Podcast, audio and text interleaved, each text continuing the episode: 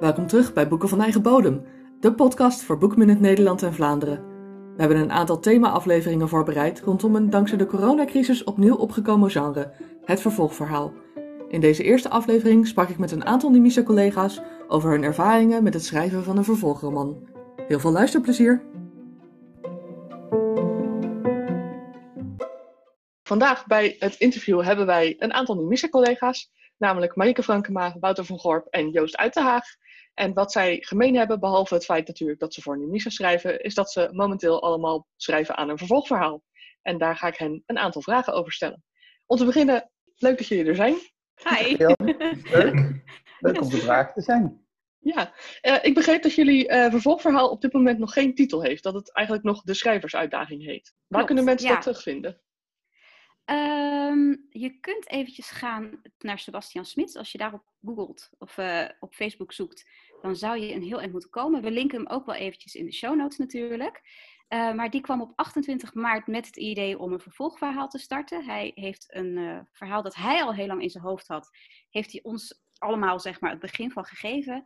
En we geven steeds het stokje door aan andere schrijvers.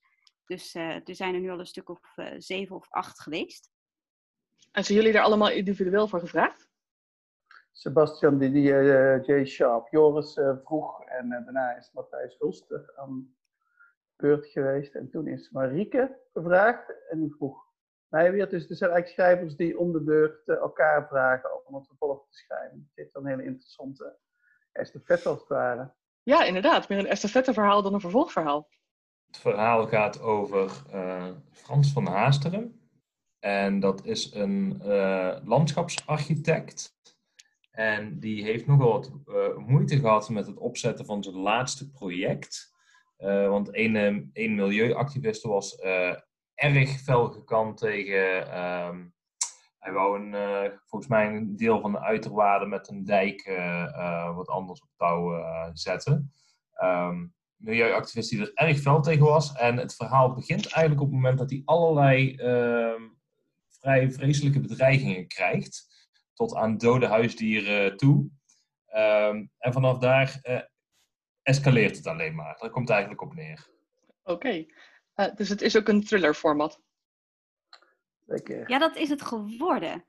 Uh, er zaten wel al in, in de inleiding spannende elementen natuurlijk. Maar omdat iedereen zijn eigen ding ermee doet, uh, gaat het heel natuurlijk opeens een kant op. En je kunt niet eens echt bepalen waar dat nou precies gebeurt, maar dat is een flow waar, waar dan het verhaal blijkbaar in komt. En als dat eenmaal een soort van established is, dan, dan blijf je daar wel een beetje binnen, hoewel je ook merkt dat iedereen echt zijn eigen draai er weer aan geeft. En dat vind ik heel leuk. Ik heb bijvoorbeeld Ik geprobeerd eh, wat fantasy-elementen stiekem er nog in te stoppen. En een ander pakt dat dan weer wel op of niet op. Dat is superleuk om te zien hoe dat ontwikkelt. Joost, je wilde iets zeggen? Meer van de, ja, ding is, ik vind dat je sommige mensen die zijn meer van het occulte, die proberen dat erin te leggen op wat meer maatschappij kritisch. Elke auteur legt wel een beetje een eigen identiteit erin, maar ik wil natuurlijk ook wel rekening houden met uh, dat het plot goed blijft lopen. Ik vind dat iedereen daar heel goed uh, in samenwerkt en meewerkt. Om te zorgen dat alle namen goed blijven en alle plot arcs goed blijven. Er heeft nog niemand gegrepen naar de noodrem van hij werd wakker uit een droom. Dat vind ik echt, uh, Thank God. echt heel goed. Nou. Ja. En krijgen jullie ook aanwijzingen van elkaar of overleggen jullie uh, zo af en toe? Wouter, kun jij er iets over zeggen? Nee, er wordt, uh, er wordt niks overlegd. Uh, de enige opdracht die je dus eigenlijk hebt, is gewoon uh, de stukken die voor jou zijn geschreven. En er worden natuurlijk steeds meer om die te lezen. En Mhm. proberen daarbinnen aan te haken. Soms wordt er wel wat voorzichtig redcon, zal ik maar zeggen. Um, dan wordt er bijvoorbeeld door de ene een brute moord gepleegd, waar dan in het volgende hoofdstuk toch weer wat vraagtekens bij worden geplaatst. Want herinnert de persoon zich het allemaal wel juist en is het zo wel gebeurd? Um, maar eigenlijk leggen we elkaar geen, concreet, geen concrete opdrachten voor elkaar neer van dit moet erin of je moet dit doen. Er worden inderdaad een hoop zaadjes geplant, ja. Er worden wel wat edits gedaan nog achteraf. Als het toch niet klopt, dan kun je nog wel, als je er heel snel leest, zie je dat de laatste versie nog wel verandert. En dat is gepubliceerd. Ja, dat wist ik nog niet. Wat grappig. Had ik nog niet Ja. opgelet. En werken jullie ook naar een soort van eindresultaat toe? Is het de bedoeling dat het uiteindelijk gebundeld wordt tot een boek? Of eh, werken jullie naar een bepaald ander doel toe? Voor zover ik begrepen heb, wil Sebastiaan wel, als het echt een, een mooi afverhaal is, lijkt het hem wel superleuk om het te, te publiceren. En dan natuurlijk gaat er nog een grote editronde overheen, omdat, ja, weet je, je hebt toch van die, van die vreemde momentjes dat de dochter het ene moment vier jaar geleden en het andere moment twintig jaar geleden is vermoord. Of, of overleden, ik weet niet of het vermoord was. Eh, dus, dus er zijn nog wel een paar interne logica dingetjes waarvan je af en toe denkt, ah, en dat, eh, ja, dat krijg je als, eh, als meerdere mensen het oppakken en het wat minder structuur heeft. Maar volgens mij is dat het plan, dat het uiteindelijk toch wel ook in fysieke vorm gaat verschijnen. Wat ontzettend leuk. Hebben jullie ooit eerder aan zo'n project samengewerkt? Kan nog beter. En het is wat dat betreft, geloof ik, ook anders dan eh, wij zijn vanuit Numisa bezig met een verhaal Bloed in de bibliotheek. Ook een soort vervolgverhaal waarbij wij ons de beurt allemaal een hoofdstuk schrijven. Ehm, maar daar mag het publiek ook actief meestemmen. Bijvoorbeeld, nou ja, gaat het hoofdpersonage optie A achterna of optie B of gaat hij misschien toch weer optie C? Dat is hier niet het geval, toch? Het enige wat ik kan bedenken is dat ik het eh, vroeger nog wel eens leuk vond om vervolgverhalen te schrijven. Dan heel direct dat je bij wijze van ieder twee woorden neemt die je eh, achter de twee woorden van eh, je voorganger zet.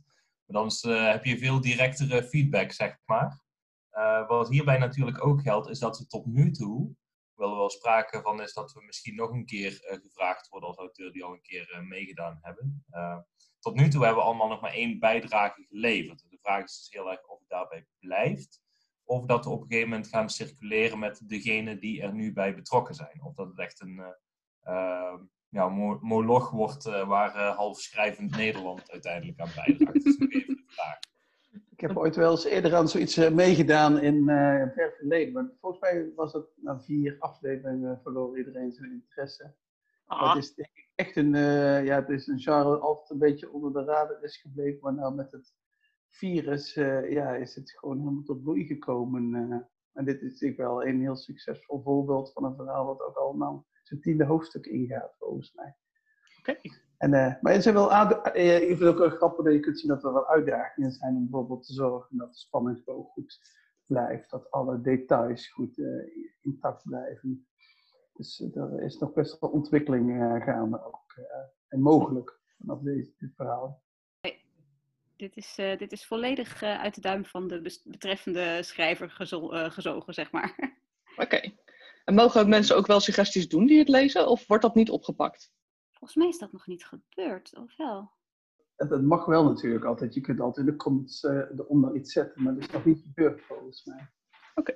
Het is zo'n ander verhaal, omdat hier dus de auteurs al van tevoren uh, onderling afspreken. Die het verhaal schrijft, maar het publiek die bepaalt mee wat, het, uh, wat de volgende stap uh, wordt. Ik denk dat we al uh, te maken hebben met twee subgenres namelijk van dit vervolgverhaal. We hebben dat van Sebastian, dat is meer een soort auteursgecentreerd vervolgverhaal, waarbij de auteurs elkaar vragen om elke weer vanuit zichzelf een nieuw vervolg te bedenken. En wat Nisa doet met Bloed in de Bibliotheek is meer een publiek of een lezer-gecentreerd verhaal, waarbij de lezer elke keer het vervolg mogen bepalen en de auteur daaraan gehouden is. Ja, daar heb je absoluut gelijk in. Ik vraag me af of er ooit onderzoek is gedaan naar het, uh, het medium van het uh, vervolgverhaal. Waarschijnlijk niet, omdat het misschien voor het internet moeilijker was. Ik denk dat we nou maar aan het begin staan van uh, het nieuwe vervolgverhalen-genre. Het zou best kunnen inderdaad, dat nu de invasie van de vervolgverhalen opkomt. Who knows? Um, nog een vraagje wat betreft uh, het verhaal van Sebastian Smits, de schrijversuitdaging. Um, lopen jullie af en toe ook tegen moeilijkheden aan met het schrijven? Bijvoorbeeld het feit dat er niet overlegd wordt of um, dat je iets een bepaalde richting op wilt laten gaan, maar dat je je geremd voelt door andere auteurs of juist niet? Geeft het meer inspiratie? Wouter, wil jij er iets over zeggen? Ja, het uh, gaat een beetje die processen gaan gelijktijdig. Want uh, toen ik ging schrijven, dacht ik inderdaad van, oh, dat is heel stoer. En toen had ik al een paar hoofdstukken gelezen. dacht ik, oké, ik heb een beetje een idee waar dat heen wilde. En toen las ik het echt voorlaatste hoofdstuk en dan dacht ik, oh, dus dat kan niet meer.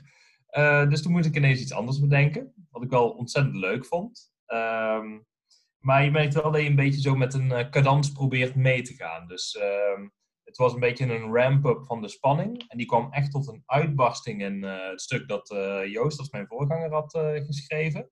Eh, en toen voelde het voor mij ook heel logisch om er even een momentje van bezinning in te gaan brengen, de spanning even te doorbreken.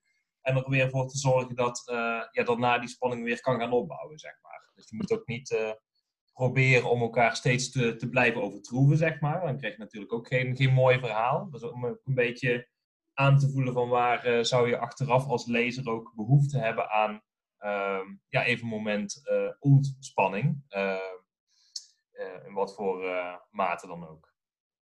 Ja, dat eh, ben ik het echt heel erg mee eens. Dat je inderdaad, daar was ik ook over na aan het denken van, hé, hey, je hebt steeds een, een steeds spannender wordend stuk. Hoe ga je zorgen dat je niet alleen maar beat, beat, beat, beat achter elkaar hebt, maar dat je ook eventjes zo'n zo'n flow momentje hebt, dat ook de lezer even op adem kan komen en dat je daarna de spanning weer kunt oppakken. En dat is heel goed dat je daar ook over na hebt gedacht. Dat vind ik echt heel tof, want je hebt natuurlijk de neiging misschien om juist even te laten zien wat je wel niet kan als schrijver. Of om echt je eigen stempel even te willen drukken. En terwijl juist ook eventjes die, die rust en die flow in dat verhaal super belangrijk zijn. En als iedereen een gigantische twist erin wil schrijven, dan krijg je op een gegeven moment zo'n zo'n soort van kronkelend verhaal waar, waar je gewoon geen touw meer aan vast kunt knopen. Dus dat is wel iets waar je even voor moet oppassen. Dat je ook in dienst blijft staan van het verhaal. Ja, dat herken ik ook wel uh, erg. Ik, wat, waar ik vooral erg last van had, dat het een soort, uh, alle, heel veel hoofdstukken een soort plot thickens. Uh, er kwam altijd wel weer een vriendin bij, of een dochter, of een hond, of een vermoord huisdier. En op een gegeven moment heb je heel veel ja, lijntjes eigenlijk lopen. En het is eigenlijk ook op natuurlijk wel zaak dat de lijntjes soms afgesloten worden of bepaalde richtingen worden. Dus dat heb ik uh, geprobeerd in mijn aflevering te leggen. Om gewoon te zeggen van, nou oké, dit uh, was niks en daar gaan we mee door. Uh, dat is het hoofd, de hoofdlijn. Maar dat is toch best wel lastig vasthouden. Met zo'n grote schare auteurs die ook eigenlijk niet in, met elkaar in contact staan. Ik denk ook gewoon de uitdaging eigenlijk van zodat er ook een rode draad in blijft. Ja, en de, en de grap is dat iedereen zijn eigen rode, rode, draad verzint. Dus dat iedereen die een nieuw hoofdstuk verzint, dat is eigenlijk weer een aftakking van hetzelfde verhaal. Want eh, dan denk je dat je bijvoorbeeld een heel duidelijk zaadje hebt geplant van nou hier daar moeten ze gewoon op verder gaan. En dan gaat het compleet anders. Dus dit verhaal heeft al uh, nu al acht of negen variaties. En geen enkele lijkt op uh, op, op het idee wat Sebastian waarschijnlijk als allereerste had. Dus dat is ook een beetje een soort van getuige van dat alles mogelijk is. Dat het begin van een verhaal absoluut niet bepalend hoeft te zijn voor het einde. Dat iedereen weer zijn eigen creativiteit erop loslaat. Dat vind ik ook super leuk dat het juist al die vertakkingen kent. Ik vind het ook heel erg mooi om te horen dat jullie allemaal werken met de ervaring die je hebt als auteur. Dat je gelijk merkt van, oh ja, hier is te veel opbouw, dus nu moet even een rustmomentje ingebouwd worden. En oh, ik zie dat deze auteur die kant op wil, maar ik ga dat even afsluiten of juist oppakken. Dat klinkt heel erg mooi. Het klinkt heel erg, um, ja, klinkt alsof het heel mooi samengaat. En je inspireert me ook wel, Marieke. Ik denk, misschien moet je moet ook eens een keer proberen een vervolgverhaal te maken waar plot nou niet zo centraal staat, want dat wordt toch heel lastig. Omdat je, denk ik, een verhaal waarschijnlijk meer op sfeer is gebaseerd, of karakteren bouwen, dat je dan uh, met iets veel mooiers en consistenters uh, komt. Nog, nog mooier en consistenter. Voor de volgende keer. Ja, volgende Nimisa-uitdaging. oh, precies. Ik vond het nog wel uh, opmerkelijk dat uh, één iemand begint het dan, Sebastian Smits in het geval van de schrijversuitdaging. Ik kan me voorstellen dat het voor hem ook wel heel grappig is om te zien hoe in eerste instantie schrijvers die hij kent en daarna schrijvers die hij totaal niet kent met zijn verhaal, tussen aanhalingstekens, aan de haal gaan. Ehm, en dat het ook wel een beetje spannend kan zijn om dan zo los te laten. Slingert iets de wereld in met een, ja, waarschijnlijk zoals al gezegd, dus heel concreet idee, hier moet het heen gaan. Ehm, en sommige elementen worden opgepikt, andere totaal niet. Zoals uh, tegen dode konijnen die op het strand liggen. Volgens mij is er naderhand niks meer mee gebeurd. um, ja, dat, dat, dat heeft wel iets heel moois, zeg maar. Dat je het uh, niet uh, vanuit een puur egocentrisch punt start van dit is mijn verhaal, maar puur dit, is, dit zijn aanknopingspunten en we zien wel waar dit heen gaat. Mm -hmm. Ja, ik hoop vooral heel iedereen boekenbloggend en uitgevers Nederland uitnodigen om uh, vervolgverhalen te beginnen. Want kijken waar we toe in staat zijn met z'n allen. Daarmee zijn we aan het einde gekomen van ons interview. Ik wil jullie allemaal hartstikke bedanken voor het, uh, deelnemen aan deze aflevering. En ik wens jullie heel veel plezier met het schrijven aan het volgende vervolgverhaal. Tot ziens! Doei!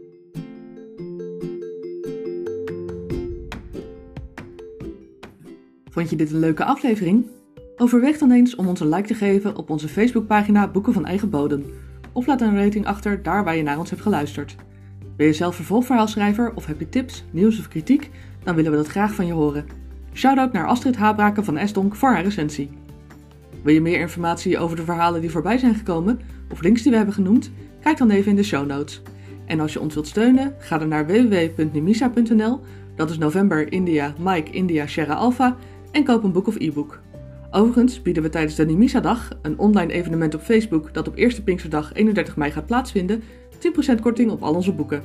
Voor nu, tot de volgende keer maar weer. Doei doei!